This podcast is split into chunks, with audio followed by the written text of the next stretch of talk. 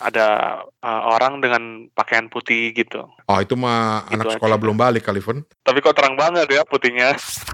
C-nya histeris, mereka melihat bahwa pacarnya si Mawar adalah pocong. pacarnya si Mawar adalah pocong.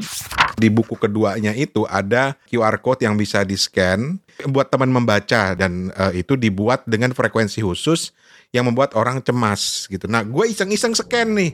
Nih bunyi ini kayak gini kurang lebih nggak tahu kedengeran nggak nih? Rani mana tadi? Uh, Rani hilang. Oh hilang, Rani di hilang mute. beneran ya. Hilang. Rani sedang ngobrol sama pocong ternyata kita dicuekin. Waduh. Eh gue di sini bercanda mulu lu ah. Halo? Woi. Udah dong jangan bercanda. Oh yang beginian jangan dibercandain. Aduh ya Allah. Woi udah mau mulai nih.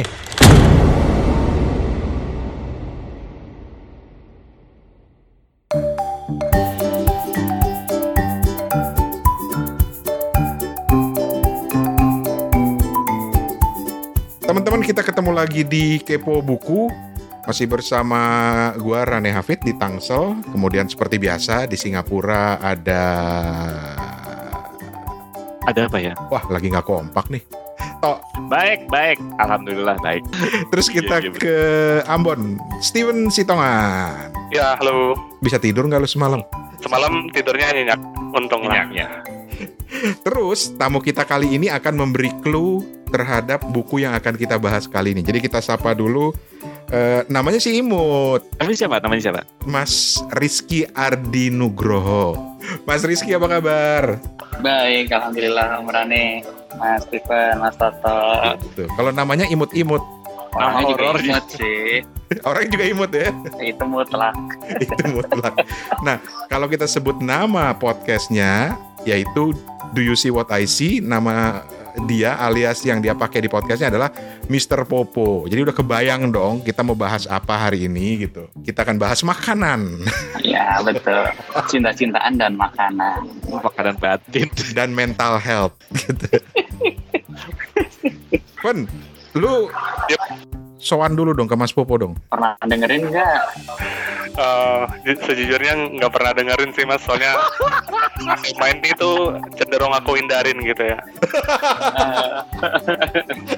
Tapi keren banget nih drama audio yang digarap. Oh, yang yang tak terlihat ya. Kau ikut jadi pengisi suaranya, Van. Eh, diwakilin boleh nggak ya? Diwakilin. Mau jadi voice talent. Lu tuh Fen, ah, padahal lagi kita promosiin lu penggemar berat gitu ternyata lu nggak denger. Mas Rane aja ngisi suara di yang tak terlihat tuh, audio drama. Sebagai apa Rani ngisi Sebagai suara? sebagai Morgan Freeman. Sangat Segera di Spotify. Fort Morgan. Bagian bagian trailer. Bagian trailer. Oh, Karena begitu. Mas Popo udah ngajak beberapa kali ngisi cerita, gue nggak pernah berani. Termasuk ketika gue ada insiden di Bangkok, lagi rekaman, terus ada suara musik masuk itu loh mas. Oh iya iya iya. iya. Orang yang pertama gue laporin tuh Mas Popo. Terus langsung apa diproses ya audionya sebenarnya ya. Kemarin kan ganti nomor tuh Om Rane, Hmm. audionya ikutan hilang. Itu dia. Hmm. Padahal kalau kita gedein desibelnya kita gedein, kita maksimalin suara musik. Istilahnya apa ya? Gamelan Thailandnya tuh kenceng banget.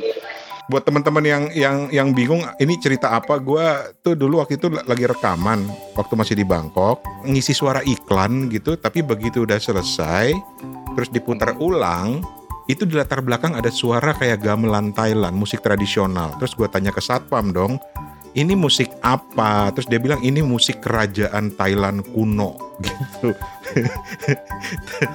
Terus gue bilang kok bisa bocor dari mana? Padahal si satpam bilang ini jarang loh, ini hanya diputar di acara-acara kerajaan.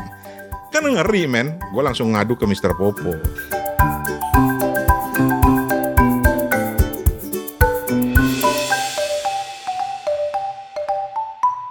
Kenapa ada Mr. Popo di sini?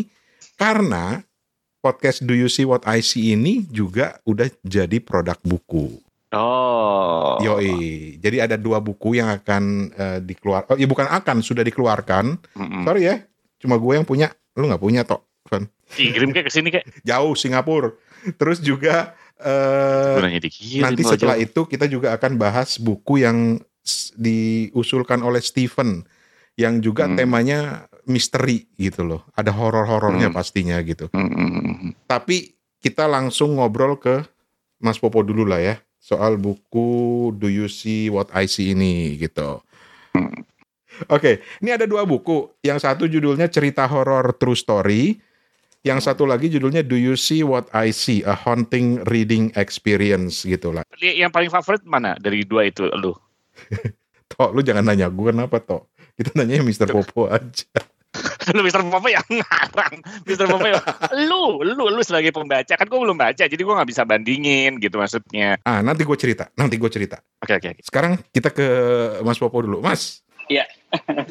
cerita dong tentang dua buku ini nih yang yang barusan lu kirim ke gue nih. Iya, jadi sebenarnya eh, dari dulu kan pengen nulis ada satu dulu kan pernah ini om, aku aku kan sempat eh, apa namanya cukup viral karena satu cerita kan rumah eyang gitu kan. Mm-mm. Nah ini eh, cukup jadi cukup viral yang nonton sampai hampir berapa ya 15 juta atau 20 juta orang lah Wow. yang dengerin Oh, ceritaku ini oke. Nah, rumah eyang ini. Nah ceritanya eh, aku tuh pengen nulis di rumah eyang, cuman karena Mm-mm. si rumah eyang ini ceritanya dibeli lah sama salah satu PH lah terus mau dijadikan film Mm-mm. akhirnya tertunda lah karena aku boleh ngeluarin buku kalau nanti filmnya udah keluar yang belum Hmm. tahu kapan Mm. akhirnya setelah uh, cerita rumah eyang itu aku uh, bikinlah podcast di YouTube What I See ternyata udah Hmm. jalan sampai ratusan episode saat ini sih udah 700 hampir 800 episode lah dari sana akhirnya dulu sempat uh, pengen ngerasain sih gimana sih orang nulis nulis buku itu gimana sih orang uh, Mm. Nyusun buku tuh gimana jualan buku gimana Mm. nah pas banget lagi mikir gitu tiba-tiba waktu itu di approach sama buku nih nah Hmm. akhirnya oke deh bikin uh, satu oh ya ini kan cerita banyak gimana kalau cerita yang bentuknya audible Mm-mm. itu kita jadikan uh, tulisan gitu kebalik ya Hmm. biasanya kan dari buku dibuat buat audionya. mm. Nah, sekarang gimana eh, cerita-cerita yang sebagian cerita-cerita yang menarik itu kita tuliskan, tapi formatnya memang format tulis jadinya. Jadi cerita yang Hmm. sudah tayang kita buatkan format tulis. Mm. Tapi kalau ceritanya udah tayang nggak nggak laku juga nih takut di maksudnya orang udah tahu ceritanya. Akhirnya sebagian eh, konsepnya dari cerita yang udah ada, sebagian lagi Hmm. sebagian besar malah cerita yang eh, unpublished lah gitu ya. Belum ada Yang podcastnya gitu lah ya. Mm-mm, belum ada audionya.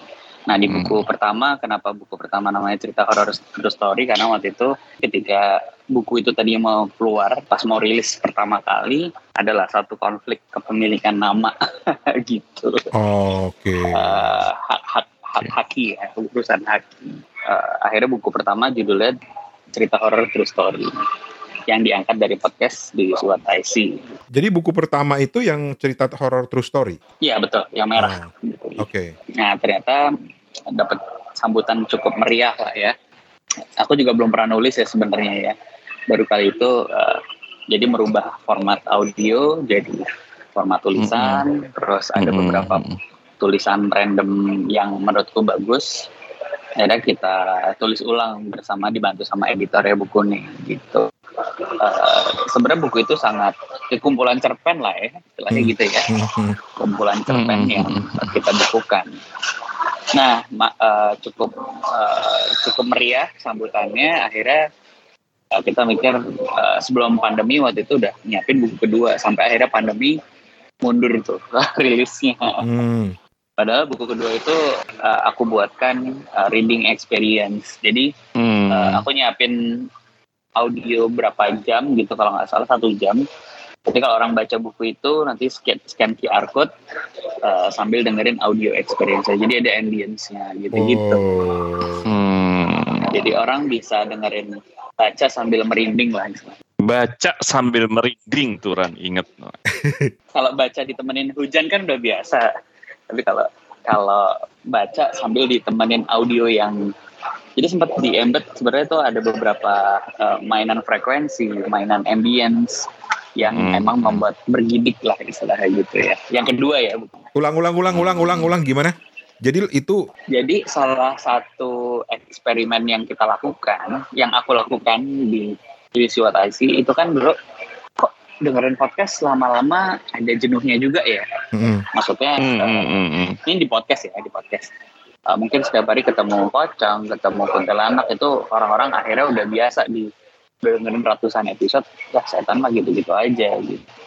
Suatu itu kan di, di tengah kebosanan akhirnya eh, aku coba riset apa sih ya what makes eh, orang itu eh, takut, eh, merinding, hmm, atau merasa anxiety. Nah ternyata ada riset yang ada satu riset jurnal S2 atau S3-nya orang luar gitu ya mengenai uh, frekuensi uh, apa ya infrasound frekuensi yang dia pakai untuk di beberapa film horor. Salah satunya di uh, Paranormal Experience. Ya itulah film yang pakai web uh, pakai hand handycam gitu lah Hmm, hmm, yang berseri-seri itu. Nah, mereka menggunakan teknik nggak ada audionya, nggak ada suaranya, nggak ada musiknya, tapi mereka bisa membangkitkan rasa anxiety dengan menggunakan Hmm. infrasound itu. Nah, akhirnya aku memakai itu juga di podcast. Hmm. Ditempelin itu suara itu ternyata benar-benar bisa bikin bulu kuduk berdiri sampai tangan bergetar, ada rasa anxiety. Nah, itu yang kita coba juga di experience di buku kedua gitu. Oke. Coba nanti frekuensinya dikirim ke Rani, jadi pada saat ada edit dia akan menim- menimbulkan frekuensi itu juga, gitu kan Ran? Boleh, boleh. Rani pada Rani, sebentar Rani mana Rani? Wih, Rani hilang. Oh, hilang. Rani di hilang beneran ya. Hilang. Rani, Rani sedang ngobrol sama pocong, ternyata kita dicuekin. Waduh, waduh. oh, udah, udah, udah, udah, udah waduh, cukup. waduh. Jadi teman-teman yang dengerin nih, jadi Mas Popo tadi baru cerita kalau di buku keduanya itu ada eh, QR code yang bisa di scan buat teman membaca bukunya Do You See What I See ini dan eh, itu dibuat dengan Iya, frekuensi iya, iya. khusus yang membuat orang Apa ya? cemas gitu. Nah, gue iseng-iseng scan nih. Nih bunyinya kayak gini kurang lebih nggak tahu kedengeran nggak nih? itu itu emang ambience-nya tapi ada tempelan uh, Frekuensinya. Hmm. 18 Hz kalau nggak salah ya aku lupa ya Hmm. sekitar segitu Oh, ilmiah nih berarti nih, ini ilmiah nih berarti nih. Ilmiah Suka gue ilmiah. yang jadi ilmiah ilmiah gitu. jadi ada ada ambience plus frekuensi tertentu yang kita tempelkan gitu Oke. Coba jadi inget episode kita yang lalu tentang Rapi Jali. Si Pink itu kan juga bisa mendengarkan frekuensi kayak gini ya, yang Hmm, hmm. yang dia bilang ini tuh frekuensi hantu gitu kan kalau kata Hmm. profesor gitu. Ternyata Hmm. emang bener. Mungkin ini yang dimaksud gitu. Bukan frekuensi hantu kali ya. Lu jangan macem-macem toh. Ah, bukan frekuensi yang bikin orang merinding. Gitu. Frekuensi yang bikin orang anxious gitu, cemas Oh. gitu kali ya. gua, gua kalau lagi gak, kalau lagi gak punya duit gue anxious banget sih nggak usah pakai frekuensi. gue sebut frekuensi dompet, frekuensi dompet. kalau aku lapar mas Lapar Nah, nah, tuh tuh. dia. Iya, berarti frekuensi lapar. Gue kaget, gue pikir kenapa masih ada suaranya. Ternyata masih gue play. Eh, aku beranjak dari bukunya dikit, boleh ya, Mister? sikat Mas. Eh, mau tahu nih film horor favoritnya Mister Popo nih, yang lokal sama luar. Kalau film eh, ada yang lama dan yang baru ya. Kalau yang lama eh, aku sangat menyukai sekali Pocong 2. Kalau nggak salah karyanya Mas Rudi Sujarwo ya. Hmm. Yang kedua film yang baru tuh judulnya Kafir. Masih ada di Netflix kalau nggak salah sekarang. Hmm, oke. Nah, dua film itu apa ya? Yang satu kayak eh, dekat banget, yang satu memang jarang sekali film horor Indonesia itu yang punya premis selengkap film kafir gitu ya. Eksekusinya juga bagus, Hmm. premisnya bagus, ceritanya sederhana, tapi di delivery dengan cukup bagus. Sisanya kalau luar nggak banyak film horor ya. kayak misalnya kita nonton Insidious yang model-model apa Conjuring gitu sih aku sih nggak takut ya Hmm, hmm, hmm. malah yang buat aku menyenangkan tuh sebenarnya film horor ya buat aku The Shining ya sama Doctor Sleep itu film Hmm. bukan film horor tapi eh, tapi ambience-nya cukup sebenarnya mistis gitu ya Eh, par- Hmm. paranormal gitu ya sebenarnya Oke. Hmm, hmm. Nah, udah dapat gambaran tuh, Van. Sekarang tarik lagi ke buku. Nanti deh gue kirimin deh, Van, bukunya, Van. Gimana, gimana? Enggak, tak kirimin Ah, aja. ntar coba aku tak cari. kirimin aja, tak, tak kirimin. Aku masih banyak di rumah. Asik, asik dikirimin. Yang di Singapura suruh ambil sendiri ke Bintaro. Janganlah mendingan aku ke Singapura. Di bidang ke Singapura bener juga sih. Lanjut, Van, lanjut, Van. Mister ini dikurasi eh, dalam hal gimana ya biar bisa cocok masuk di buku? Apa ada tektokan sama editornya atau menurut Mister tuh seperti apa sih cerita yang layak dibaca gitu ya? Eh, Sebenarnya sih nggak ada kriteria khusus, tapi eh, untuk di Do You See What I See kan memang cerita itu kan banyak masuk ya. Kebanyakan misalnya gini, eh, cerita yang masuk tuh eh, saya pulang ke rumah, saya buka pintu, Hmm. tahu-tahu ada debt collector gitu kan wah horor gitu kan udah selesai gitu nggak ada premisnya nah, jadi eh, aku tuh selalu pengen cerita yang ada yang kita koleksi apalagi jadi buku itu adalah sebuah cerita lengkap yang berupa premis utuh gitu. Jadi ada ceritanya ada alurnya ada tujuannya terus ada akhirnya gitu. Jadi minimal itu sih. Dan eh, ada keunikan-keunikan khusus tentu saja kan. Banyak cerita horor tapi eh, ternyata semakin banyak kita mengkoleksi atau mengkurasi cerita yang masuk eh, banyak kok cerita yang nggak berulang dan sebenarnya deket yang sederhana tapi Hmm. cukup membekas di ingatan membuat kita eh, malas ke kamar mandi kalau malam Dan ini semua kisah nyata ya. iya dong nggak ada yang rekayasa bahkan Hmm. eh, cerita yang kalau tadi disebutkan eh, audio dramanya yang tak terlihat semuanya itu juga kisah nyata Uh, Mr. Popo, ini yang nulis buku ini ini ada berapa orang dari dari dari sekian banyak tulisan ini? bagian eh, aku sama editor dari cerita yang Hmm. masuk kita susun ulang Hmm. tapi sebagian lagi eh, memang ada teman-teman penulis eh, teman-teman yang punya cerita juga menuliskan dalam bentuk naskah gitu. jadi kita Ah, bongkar lagi gitu. dari situ dibongkar dari situ ya, jadi nggak nggak ah. ditulisin dari awal lagi ya. Oke oke. oke. Ah, ah, Oke. ah, jadi ya paling nggak ada editorial lah eh, biar lebih menarik lah gitu hmm, hmm, hmm. Mas, Iya. kalau dari buku ini, dari dua buku ini, menurut lo yang cerita yang paling nggak menurut menurut menurut lo sendiri, menurut seorang Mr. Popo sendiri yang yang paling serem, yang paling meninggalkan kesan itu yang mana? Kalau lo harus milih satu cerita yang ada di dua buku ini, Mas. kalau nggak salah di buku pertama itu ada buku ada judulnya ceritanya tentang first love nah, first love itu yang cukup Hmm, first love dari Mbak V First Love. hmm. Tentang apa sih? Tentang apa sih? Wah, Steven harus dengerin nih First Love. so, First Love tapi horor. Jadi seorang anak kuliahan ya, ceritanya anak UI di tahun sekian lah. Kalau nggak Hmm. salah tahunnya tahun 90 something. Hmm.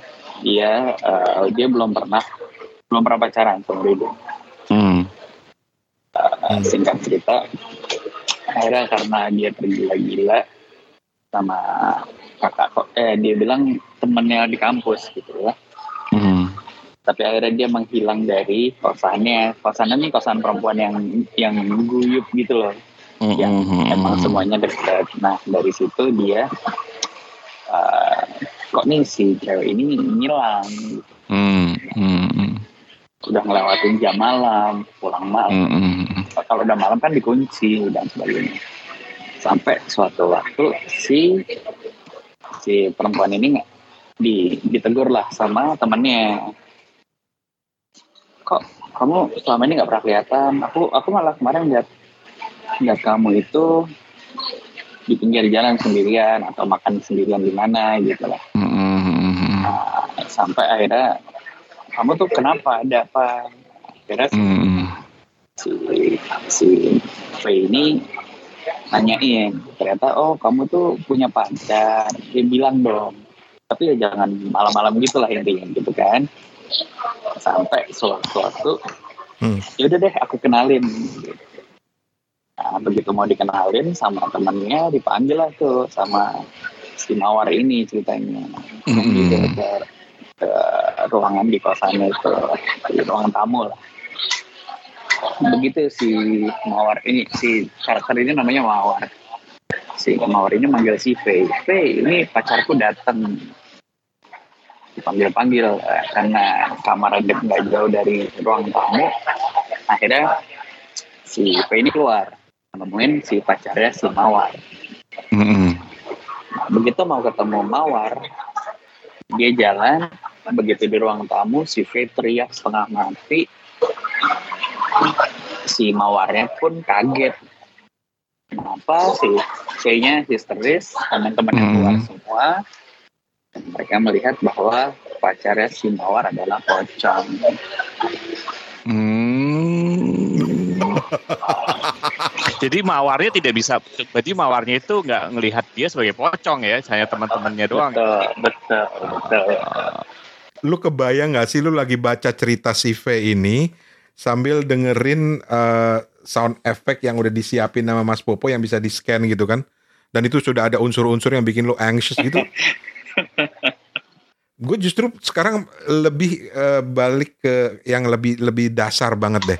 Mas, apa sih nikmatnya membaca atau mengkonsumsi konten-konten horor? Eh, sebenarnya sama kayak film action gitu ya. Film horor Hmm. tuh sama experience-nya buat aku kayak nonton film action. Oke. Dia membangkitkan kecemasan, membangkitkan adrenalin, gitu kan, Hmm. deg-degan, Hmm. rasa takut Hmm. yang Hmm. takut tapi kayak sambal kali ya. Pedes. Hmm. Pedes tapi nagih Ah. kan. Somehow sekarang karena aku udah sangat sering mendengarkan cerita horor, Hmm. aku tuh kehilangan itu gitu, kehilangan Oh. kenikmatan eh, kok film filmnya nggak serem ya ah biasa Oh, aja gitu. tapi Hmm. buat beberapa orang masih takut gitu ya makanya waktu kemarin ya. ngerjain eh, yang tak terlihat Hmm. aku perlu bantuan penulis juga yang penakut Jadi kenapa? penulis Kenapa?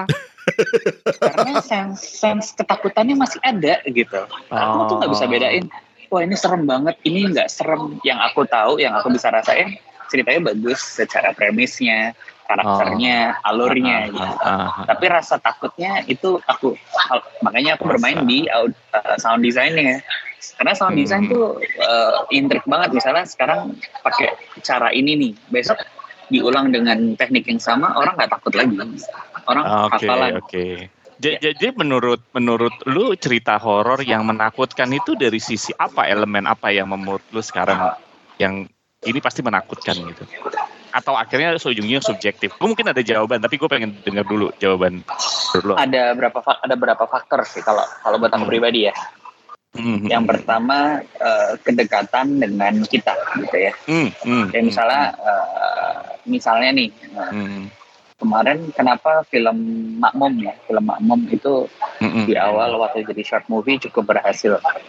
Karena Hmm. dekat kan orang sholat Hmm. sholat sendiri merasa ada yang sholat di belakang. Itu kan kayak dekat Hmm, banget sama bener bener bener. Itu kedekatan ya betul kita. betul betul betul betul. sama kayak filmnya Pocong 2 yang tadi aku sebutin. Ah, itu kan ah. semua adegannya nggak ada yang lebay gitu.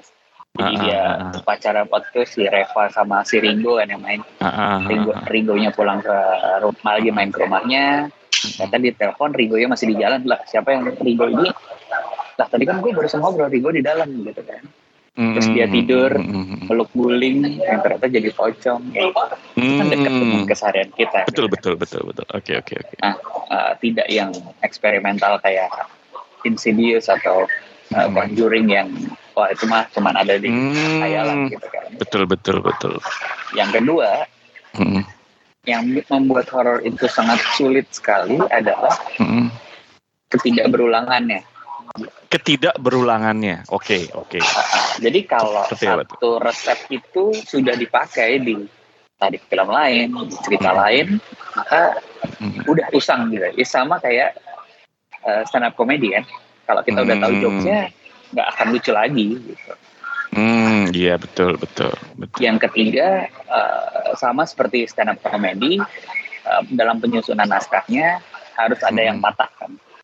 Jadi ada setup, ada punchline. Nah, Hmm, horor hmm, itu juga hmm. sama. Ada setup, ada punchline. Oh gitu ya. Ah, oke oke. Oh, betul, jelas. betul, betul. Kalau ditulis, kalau kita sebagai pencerita, sebagai storyteller atau sebagai penulis Hmm, hmm. harus ba- bisa membangun situasi ya. Nah, Betul, betul. setup Oke, dan oke, punchline-nya kalau dalam film, podcast dan lain-lain itu ada beberapa unsur. Ada unsur misalnya narasinya eh, tensinya naik, nanti patahnya Hmm. apa nih? Hmm, Ada hmm, ekspektasi yang dia patahkan. Dia dia berharap orang lain pengen dengerin, oh pasti nih ada pocong. Oh ternyata enggak, bukan gitu. gitu. hmm, Ada beberapa cerita, aku bisa ngasih beberapa un- cerita yang konsepnya kayak gitu. Hmm, hmm, Atau orang menghendaki misalnya uh, secara audio nih, hmm, hmm, wah ini pasti ada jump scare nih habis ini. Ternyata dalam editannya Hmm. aku bikin uh, kayak uh, apa ya istilahnya? Kalau di radio kan ada silent ya, apa namanya dead air. Ah, dead area betul betul. Nah habis dead air baru aku kasih jump scare. Kan dia nggak dengerin apa-apa. Hmm, Gua aku kasih jump scare, orang bisa ngelempar handphone ya gitu, gara-gara itu. hmm, hmm, itu salah satu inilah salah satu Teknik, itu ya teknik. betul teknik ya. Hmm, Uh, hmm. uh, jadi ada beberapa unsur itu sih kalau yang aku lihat ya. Tapi emang betul ya, gue juga. Karena gue waktu itu nonton Conjuring, itu yang ada gue malah ngantuk.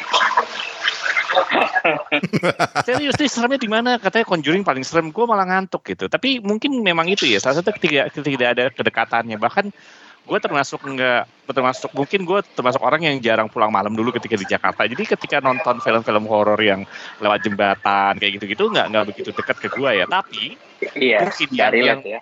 Nggak relate gitu. Tapi begitu dulu nonton Susana, kalau menurut gue bukan karena gue waktu kecil masih kecil waktu itu, tapi karena itu kedekatan sesuatu yang sederhana yang hantu tuh bisa keluar dari kaca kaca kamar mandi lu misalnya kayak gitu, atau dari toilet, atau Hmm. dari lubang angin yang hitam, gitu kan misalnya Atau dari gitu TV kan. ya, atau dari Atau TV. dari TV misalnya, atau lu nonton TV nggak bisa lu matiin gitu, padahal lu lagi sendiri, itu justru menurut gue membuat itu lebih lebih hidup dibanding ya eksperimen yang tadi lu bilang tadi eh, Mr. Popo. Jadi menurut gue sih itu ya. Jadi sesuatu yang sederhana yang dekat-dekat kita. Gitu. Makanya kadang-kadang Oke. horor itu tidak universal bahasanya. Hmm, hmm, hmm, hmm, hmm. Karena kan dia cultural banget gitu. Buat Betul betul Buat- betul. buat orang Thailand atau buat orang Singapura horornya beda sama horor kita di Jonggol gitu ya. Hmm. Iya betul. Sementara di di Amerika mungkin Conjuring itu udah udah udah seramnya minta ampun gitu kan ya. Buat kita malah diketawain gitu. Kayak kayak Falak tuh kan jadi di Indonesia malah jadi lagu dangdut kan gitu kan.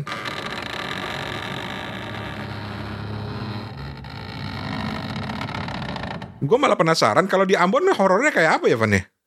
Horor Ada nggak sih cerita-cerita horor di Ambon Van? paling ini ya eh, kayak namanya Suwangi gitu ya yang aku Hmm. tahu Siapa itu? Yang mungkin memiliki apa ya ilmu-ilmu hitam gitu ya Hmm, hmm. Oh. orang yang punya ilmu hitam gitu tapi kenapa yang aku lihat kayak film Jepang malah di remake sama Hollywood gitu kayak misalnya The Ring gitu ya mungkin Mm-mm. Bang Rane udah pernah dengar juga yang muncul dari sumur kira-kira Mr. Popo kenapa malah ide-ide dari timur itu malah di remake ke Hollywood lagi gitu apakah mereka kehabisan ide atau gimana tuh? Atau sekedar ingin eksperimental juga gitu? Karena di di negara barat nggak pernah ada cerita apa ya urban legendnya mereka kan tidak percaya sama paranormal ya. Mereka kan Hmm. lebih ketakutannya tuh lebih ketakutan slasher uh, pembunuhan crime crime story gitu kan. Hmm, hmm, hmm, mereka kan nggak percaya sama sesuatu yang superstitious yang berkembang di sana kan uh, vampir uh, exorcism misalnya hmm, hmm, hmm, tapi yang bentuk-bentuk uh, film-film yang mengangkat tema cultural Asia kan selama ini uh, Thailand dan uh, Thailand dan uh, Jepang gitu ya Ah, Mr. Popo kalau ngomong remake, ngomong original, gue tertarik. Apakah dulu zaman zamannya Indonesia ketika booming film horor dengan susananya itu termasuk yang original Indonesia juga zaman itu? Atau sebenarnya enggak juga? Kalau menurutku sih original ya cuman karena keterbatasan uh, Teknologi. CGI CGI Teknologi, saat, saat itu ya, saat itu ya. uh, ah, terus kayak efek terbang tapi Hmm, kan sebenarnya uh, makan sate mentah itu kan pesan sate setengah matang hmm, hmm. tengah malam itu cukup original banget ya Betul betul. Cerita Sundel Bolong itu juga original Indonesia kan ya. Orang meninggal Iya, pada iya. saat masih hamil gitu. Tapi yang paling gue ingat dari dari itu saya benar-benar ya itu tuh memang legend banget ya. Sate 200 tusuk.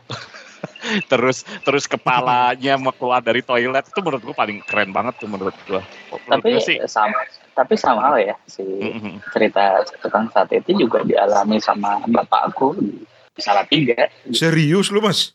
Ba- jadi bapakku tuh pernah ya, uh, Hmm. itu beberapa kejadian. Jadi bapakku tuh dulu tinggal di satu gang kecil yang Hmm. sebenarnya nggak muat sama uh, gerobak pun nggak muat. Tapi kadang-kadang tengah malam ada delman bisa masuk. Hmm, oke oke. Jadi kalau penduduk sekitar dengar suara delman, waduh, waduh, pasti bentar lagi ada yang teriak nih. Iya benar, gitu. Karena kan di rumah ayahku sebelahnya nggak jauh tuh ada kuburan. Kuburannya terkenal angker. Dan Hmm. bapakku pernah juga Cerita. cerita, cerita horor. Uh, dia ngeliat kucing karena kucing itu lama-lama bisa loncat setinggi lebih dari orang gitu ya. Jadi kucing loncat-loncat gitu loh. Om. Hmm. Kucing loncat tadinya loncat tipis, loncat tipis, loncat tipis. Lama-lama kucing itu bisa Eh, loncat eh. tinggi banget. Wah, bok.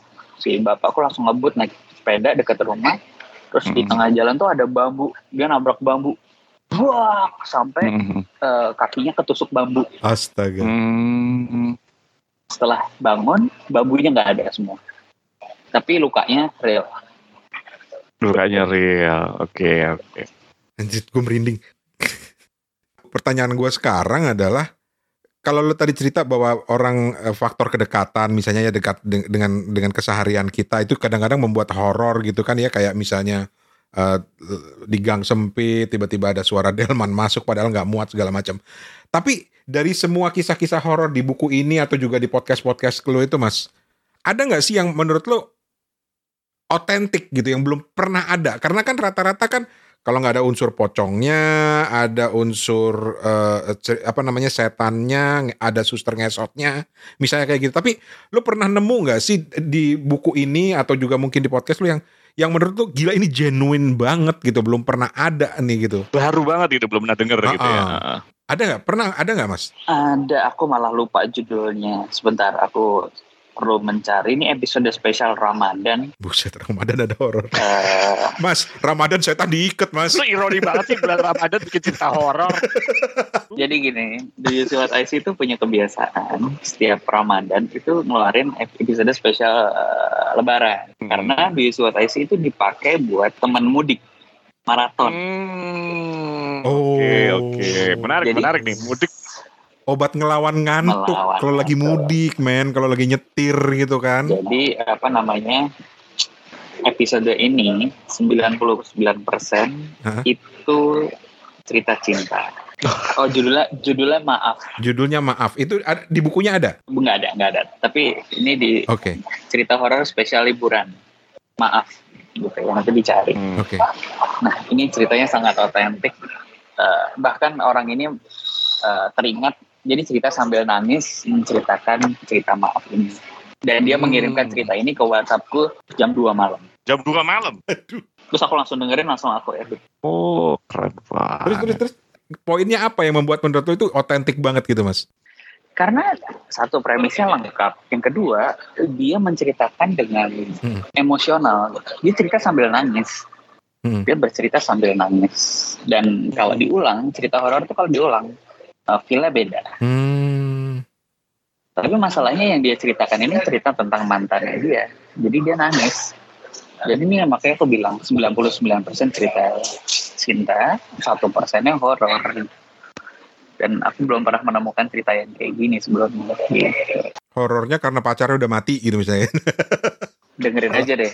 Oke biar ada efek surprise-nya gitu ya kalau diceritain. Iya, jangan, denger. jangan diceritain dong, jangan diceritain. Jadi jadi kalau tadi Mr. Popo kan Mr. Popo tuh Hmm. dibilang kalau apa sih nikmatnya nonton atau denger atau baca film horor gitu misalnya atau buku film atau apa gitu kan sama aja sebenarnya kayak nonton film action. Tapi gue tanya Ran, lu tuh suka nggak nonton film action sebenarnya? Action gue suka. Oh suka ya? Gua Oke, suka. Oke, Gue kadang gue jujur pribadi lu bilang lu katanya nggak begitu suka sama horor karena takut. Menurut gue, gue kadang-kadang mencoba menelah lu gue sebenarnya nggak takut. Mungkin adrenalinnya beda. Mungkin kalau film horor adrenalinnya sama kayak lu nonton film bokep mungkin lu suka. Anjing sialan. Tapi oke, nih nih, gue mau cerita latar belakang kenapa gue nggak terlalu suka horor gitu loh. Dalam artian, gue kok gue oke sesekali gue do you see, gue gue dengerin do you see what I see itu tau nggak buat apa? Buat belajar teknik recordingnya itu, eh, teknik editingnya itu luar biasa gitu loh. Kayak jump scare-nya, suara pintu ditutup, suara apa itu kayak realistis itu. Gue gue lebih tertarik dari sisi teknisnya. Tapi latar belakang gue tuh gini nih. Mungkin mumpung ada pakar horornya di sini mungkin bisa cerita atau bisa menjelaskan. Gue itu dulu di radio. Gue pernah bawain beberapa bulan acara horor sebetulnya. Waktu gue masih kerja di radio. Nah, yang membuat gue kemudian berhenti adalah karena ada seorang pendengar, orang tua, dia pendengar setia gitu ya, dia sering banget nelpon gue, ngajak ngobrol gitu ya kalau gue lagi siaran malam, dan dia selalu bilang, Mas, yang namanya alam sana itu udah jangan diganggu mas, biarin aja, jangan dipancing-pancing lagi, gue takut men Siapa yang gitu. ganggu? Itu itu sempat yang kemudian bikin gue, ah sialan nih gue jadi takut gitu, karena karena menurut dia eh, eh, sesama udah udah kita ya kayak kayak gitu tuh ada alamnya beda gitu ya tapi ya udahlah jangan dipancing-pancing gitu. Gimana tuh mas? Valid gak alasan alasan pendengar gue itu mas? Eh, enggak sih, karena eh, sebenarnya memang ada orang yang takut dengan ada ya kan kita aku juga punya ketakutan yang berbeda tapi kalau untuk untuk hal yang ini Hmm. ya misalnya naik kora-kora ya. Aku orangnya takut banget naik kora-kora Hmm. gitu. Tapi buat istriku buat istriku itu Iya, sebuah betul. hiburan yang ultimate gitu ya kalau aku nggak Hmm. bisa mau dipaksa model gimana nggak akan naik gitu. Mendingan dengerin cerita horor gitu ya. iya mendingan dengerin cerita horor gitu tapi memang gitu ya ketika orang Betul betul betul. misalnya gini orang uh, edik sama lucu gitu ya sama komedi stand up komedi Mm.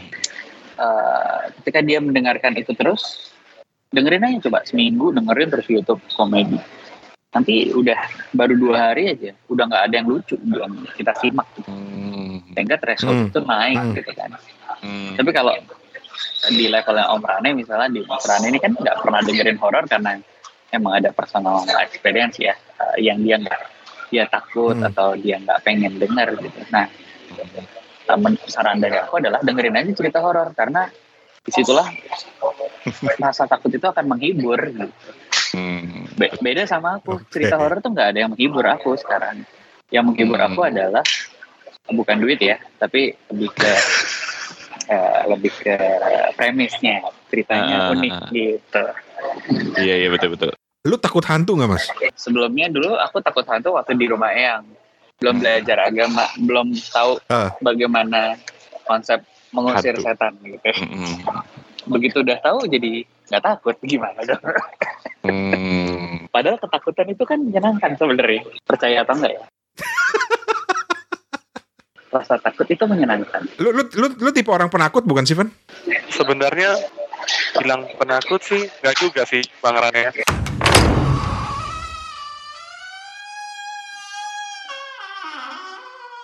Aku mau ke Mas Hmm. Mas Rizky nih. Ya. Setelah bikin drama audio, langkah selanjutnya nih apakah akan membuat film pendek horor atau mini seri horor? Apakah mungkin ada ajakan dari misalnya Bang Radit gitu atau teman-teman yang lain? Kira-kira ada bocoran nggak nih? Jadi kalau bikin film kan memang udah project ya. Insya Allah sih ketika ini kan kemarin sempat di Sulawesi ada kontrak lima film sama uh, MD ada bikin film. Cuman yang masih jadi PR kemarin kan sempat belajar sama Mbak Mbak ikut kelas Mm-mm. Kaizen ya.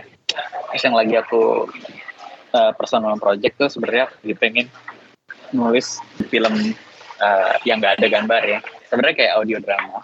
Tapi memang tayang di bioskop tapi bioskopnya nggak ada gambar yang gitu. Hmm. Itu project yang aku udah sampein ke Mas Rani juga sih Iya, jadi bener-bener main di Hmm. kepala ya apa ininya ya. Uh, bagaimana bisa bermain Wow. audio drama orang bisa Wah. datang ke bioskop tapi emang dalam keadaan gelap gulita gitu Wah itu lebih susah dong ya.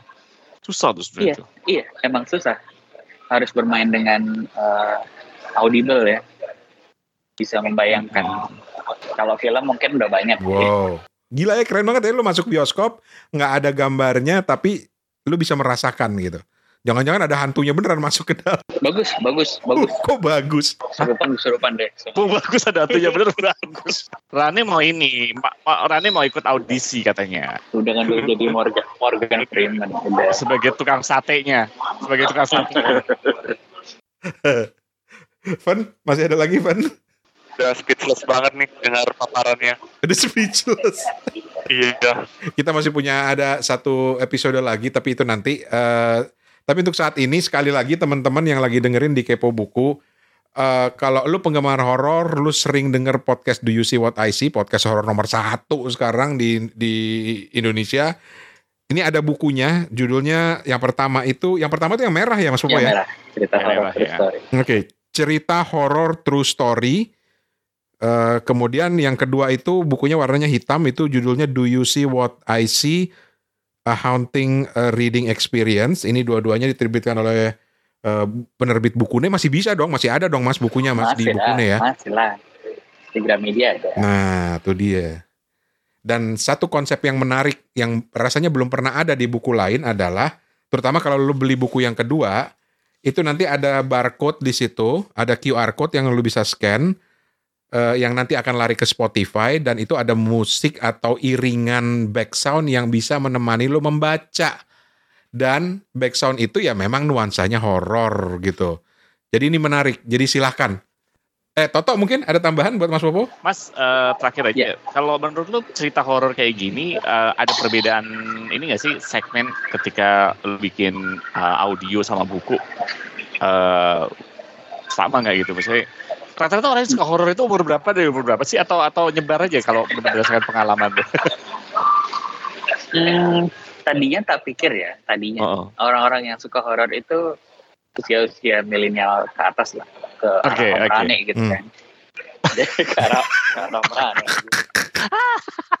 Karena kan dari dulu hiburan mereka itu yang bahkan aku pikir anak-anak uh, milenial, late milenial sampai Gen Z atau generasi Alpha ini nggak akan relate sama horor gitu kan.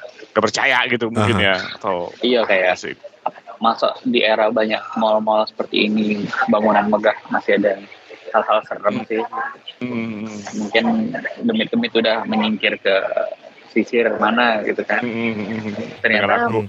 ternyata secara audiens untuk podcast audiensnya semakin umur ke bawah makin banyak yang dengerin sekarang dalam perkembangannya ya jadi Hmm. eh, tapi kalau kita ngomongin podcast sama buku eh, harapannya justru bukan pendengar podcast beli bukunya tapi penikmat buku baca terus orang bisa Dengerin. mendengarkan podcast Hmm, end. Oke oke oke. Jadi men- mencoba men- Oke. menjangkau ini baru itu ya, ya market Oke. baru market baru gitu. Baru minggu lalu eh, kita sempat ngobrol-ngobrol sama temen gua sama gua sama Mas Popo juga gitu ya buat salah satu kelas podcast itu ada satu mentor yang bahkan cerita mer- mereka tuh sekeluarga suka tidur-tiduran menjelang tidur sama anak yang masih kecil dengerin cerita Do You See What I See gue bilang anak kecil loh udah suka horor kurator cerita untuk yang tak terlihat dari season 1 Mm-mm. itu anakku mas. Uh. Si, si Kiana umur 8 tahun. Jadi, serius Eh, kan naskah yang masuk ke untuk jadi audio drama itu banyak dan kita harus sortir. Mm-mm. Eh, Hah. Orang yang aku tanyain pertama kali anakku. Jadi aku dapet draft satu itu 10 gitu. Kak pilih kak. Hmm. Yang paling bagus mana 5. Dia baca semuanya. wow dia baca semuanya ini jelek pak ini serem ini bagus ini serem nah yang dia bilang ini bagus dan ini serem aku baru akhirnya itu yang kita naikin di meja development untuk skrip anakku umur 8 tahun gokil gokil Keren keren. Oke, kalau mau nyari bukunya di mana Mas? Belinya Mas di marketplace atau di mana? marketplace banyak terutama Shopee Mhm. eh, Tokopedia juga ada atau di toko buku terdekat lah Baiklah. Kalau begitu, terima kasih banyak Mas Popo. Makasih wah aku banyak. yang terima kasih nih merasa terhormat sekali diundang di Kepo Buku Kita tunggu film tanpa la- gambarnya nanti Steven apa- akan ter- akan terbang langsung dari Ambon. Lu nonton Steven bukan gue, Steven. Gue kan cuma buat baca trailernya doang. mau ngajak Om Rane buat nulis juga Asik. karena kan karena kan judulnya selalu gitu mencari uh, bantuan sudut pandang penulis yang penakut Baru. gitu Yang penakut. penakut Mungkin ba- mungkin bener ya tadi karena karena tadi kan horor itu ada unsur cintanya gitu kan ya. Eh Mr. Popo ya. Horor ada Iya. unsur apanya gitu nggak bisa horor berdiri sendiri. Ran, gue dukung kan. Lu, lu sebagai peng- pengarang penakut horor dengan rasa bokep kan. Coba lu bikin kan. Gak pernah bikin kan Mr. Popo selama ini lu ada gak horor dalam rasa ada unsur bokepnya? Belum ada kan? Belum ada. Nah, Master Ratne nih jago nih. Tapi tapi unsur eh, horor ada unsur bokep tuh sebenarnya udah ada loh di komik zaman dulu komik surga neraka.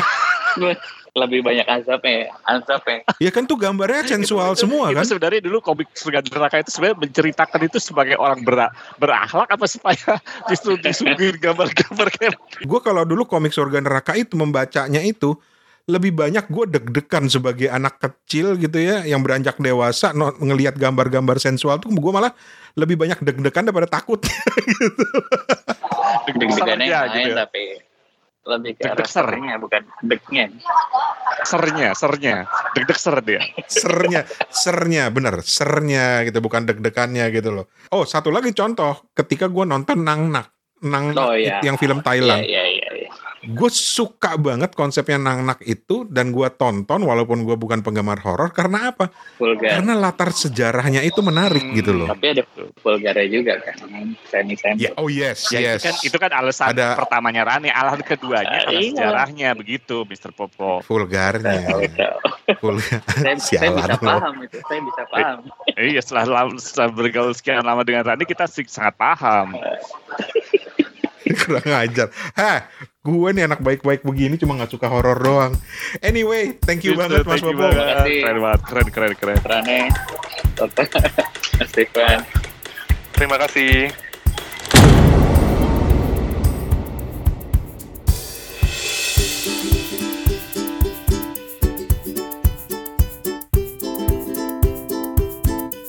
Tapi ceritanya Mas Popo tadi yang soal dia bilang di gang kecil ada suara andong itu justru ngingetin gue waktu gue di kampus dulu karena kan gue Hmm. sempet eh, ngekos juga kan sama teman-teman. Depok, Itu Depok. kan kereta dulu kan berhentinya itu kan jam 12 di atas jam 12 sudah nggak ada kan. Hmm, hmm, hmm, hmm, hmm. Gitu. Tapi kita sering banget denger gitu. Dengar ada kereta. Jam 1, jam 2 ada kereta lewat tuh kita sering banget denger. Hmm. Gue pikir kalau gue sendiri mungkin wah ini imajinasi gue, tapi enggak teman-teman satu Tapi kan dulu gitu pernah tiba-tiba denger. pernah ada kereta yang dari Bogor sampai Manggarai kan jalan sendiri. Ah, ada ceritanya dulu, ada ceritanya juga. Itu Memang benar-benar kejadian dan ada KNKT-nya reportnya kalau lu mau cari. Ternyata make sense secara ilmiah. Tapi gue juga nggak habis pikir dari Bogor loh sampai Jatinegara. Eh, sorry, sampai Manggarai malah. Tapi dijelaskan cuman bahwa ter- ada elevasi antara Bogor sampai Manggarai gitu. Remnya tuh belum Oh. gitu. Tapi Logis gak sih menurut lu? Kalau menurut gue kan jauh banget men. Kalau Bogor sampai Pasar Minggu gue masih bisa terima. Bogor sampai Manggarai loh. kayaknya niat banget gitu ya. Kok jauh banget gitu maksudnya. Dan itu ada hubungannya dengan cerita yang sebenarnya gue tadinya mau ceritain di Do You See What I See, tapi gue Hmm. belum menemukan keberanian. Karena ada teman gue cerita pulang kuliah, dia naik ke kereta berdua loh, berdua loh, bukan sendiri loh. Jadi kalau sendiri itu kan bisa bisa bisa halai-hayalan kan. Hmm. Dia berdua men, dia naik ke kereta, naik di stasiun eh, eh, eh, Pondok Cina menuju Bogor gitu ya di perjalanan mereka berdua tuh sambil ngobrol terus tiba-tiba saling lihat-lihatan karena sadar di semua penumpangnya itu bajunya putih, mukanya pucat, nunduk semua. Iya iya iya iya. iya. Bisa biasa. Kalau lo pernah ngalamin peristiwa aneh gitu, Fun? Eh, waktu SD gitu ya, aku lihat eh, di blok sebelah aja gitu kayak ada eh, orang dengan pakaian putih gitu. Entah betul entah, entah bukan ya. Oh, itu mah Gitu anak aja. sekolah belum balik kali, Fun. Eh, Nggak ngerti lah. Tapi kok terang banget ya putihnya. Terang banget. iya. Tapi lu ti- tipe yang percaya horor nggak sih? Dalam artian lu lu eh, eh, percaya sama cerita-cerita horor gitu nggak sih? Kalau saya setelah membaca kisah tanah Jawa gitu ya, em, lebih apa ya? Lebih memaklumi gitu ya, bukan per- Hmm. lebih kepercaya gitu, lebih memaklumi. Oke, dan kisah tanah Jawa ini nanti akan kita bahas di Mm-mm. episode berikutnya. Ini juga viral juga, seru juga, menarik juga dan Baca dong lo. iya gue janji baca. Iya iya iya gue baca. Gue baca. Tadinya kan mau diulas di episode ini karena kepanjangan nggak cukup waktu. Jadi untuk episode berikutnya gue janji gue baca. Janji kan bisa nggak ditepatin ya. Biarin aja ntar gue kirim pocong dari sini lo. Woi, woi, woi, jangan gitu lu ah. Tapi sebenarnya eh, kisah tanah Jawa ini kenapa bisa eh, kita angkat tuh kan bermula dari postingannya Mas Toto di grup WA tuh kan ada eh, toko buku Instagram yang nampilin buku Jogja Hidden Story. Nah, Hmm. dari inilah saya merasa terpancing untuk mencoba buku horor. Ya, niatnya tuh bukan untuk serem-sereman sih, tapi uh, motivasinya tuh untuk menambah inf- informasi gitu. Hmm. Mudah-mudahan akan memberikan sesuatu juga ya, Azir. apa pun itu di episode berikutnya. Kalau gue, ah, kalau kalau gue logis juga sih apa yang dibilang eh, Steven. Tapi kalau gue ada satu lagi. Menurut gue, genre horor ini nggak tahu benar apa nggak mungkin perasaan gue doang ya. Udah kayak jadi sense, sunset genre gitu loh. Emang gimana ya mau ngomong? Maksudnya udah Yesterday gitu ya. Maksudnya? Iya, udah, udah, udah, udah, udah, eh, s- eh, udah ini, udah, udah, udah, udah bukan genre yang dicari-cari lagi. Kalau menurut gua ya, Masa nggak tahu entah gue bener apa enggak ya. Mungkin gua salah ya. Tapi maksudnya Hmm, hmm, hmm. kayaknya orang mungkin zaman sekarang. Kalau thriller ya masih gitu kan ya, Van ya. Eh, apa namanya psychological thri- eh, eh, thriller atau kayak gitu-gitu kan. Orang lebih percaya. Kalau horor, horor yang sifatnya mistis ya. Gua ngomong horor ya, ngomong horor ya, bukan thriller ya itu nggak tahu gue gue sih ngemandangnya gitu jadi menarik juga kalau masih ada orang yang tertarik dengan cerita-cerita seperti ini gitu sebenarnya seperti Mr. Mr. Popo tadi bilang horor bagi dia itu udah hiburan Dan sampai sekarang dua hal yang nggak nggak pernah bisa gue pahami dari segi hiburan. Pertama, horor kok bisa jadi hiburan itu yang pertama. Yang kedua, naik roller coaster itu kok bisa jadi hiburan gitu loh. eh roller coaster kalau gue buat hiburan gue seneng banget Hiburan dari Hong Kong kayak begitu. Kalau tiba-tiba lagi tiba-tiba lepas gimana? Lu hiburan? ya kalau lepas ya lepas ya mau udah nasib lah gimana? Wah, anjir. Kalau gue ngomong-ngomong cerita, kalau ngomong cerita, ngomong film, sebenarnya yang lebih men- menyebab. Kalau si Steven kan tadi bilang nggak tahu lu bercanda apa nggak. Misalnya sampai nggak bisa tidur gitu ya. Kalau gue justru yang nggak bisa bikin gue tidur tuh justru cerita-cerita yang thriller yang psychological. Contoh misalnya Silent of the Lamb, Hannibal, Hmm. itu bikin gue kadang-kadang nggak bisa tidur. Kok ada orang kayak begitu gitu? Hmm. hmm, Mikirin dia aja gitu loh. Tapi kalau kalau cerita horor sih kayaknya nggak ada kecuali pas kebangun gua enaknya gue kamar mandi apa enggak ya ntar Susana muncul lagi di belakang gue gitu misalnya kayak gitu Oke. tapi kan buat Rani ma- ma- masuk WC yang lebih menyeramkan bukan gara-gara hantunya kan Apaan? gara-gara salah masuk ke WC cewek kan lo itu yang lebih menyeramkan kan Oh, oh, oh, oh. Lu masih ingat artis Kiki Fatmala dong? masih Oh. masih masih masih Kalau Steven Masih, nanti masih, tolong di Google ya untuk melihat betapa ahamnya si Kiki Fatmala gitu ya. Jadi dia ini ini sebelum sebelum kita tutup ya. Jadi ada temen gue saking ngefansnya sama Kiki Fatmala di kamar mandinya itu dia tempel poster Kiki Fatmala men. Gitu kita kan semua Hmm. bercanda dong wah gue tahu lu mau ngapain di kamar mandi gitu kan dia nggak peduli Hmm. sampai suatu hari itu dia cabut Hmm. eh, poster apa poster Kiki Fatmala itu karena apa coba Kenapa? jadi suatu malam Heeh. dia antara ngantuk apa enggak dia pengen ke kamar mandi dia buka pintu Heeh. Kiki Fatmalanya senyum padahal posternya enggak posternya enggak Kiki Fatmalanya senyum dan senyumnya itu serem buat dia. Oh. besok paginya dia cabut tuh poster. Dia bilang gue nggak lagi dah mungkin Kiki Fatmala marah kali katanya karena poster gue pasang di di kamar mandi. padahal padahal Fatmala juga masih hidup ya gitu kan misalnya maksudnya kan. makanya. Bego juga. Ya wes. Oke. Thank you thank you thank you. Oke. Oke. Thank you bapak-bapak. Ya Thank you, Van. kasih.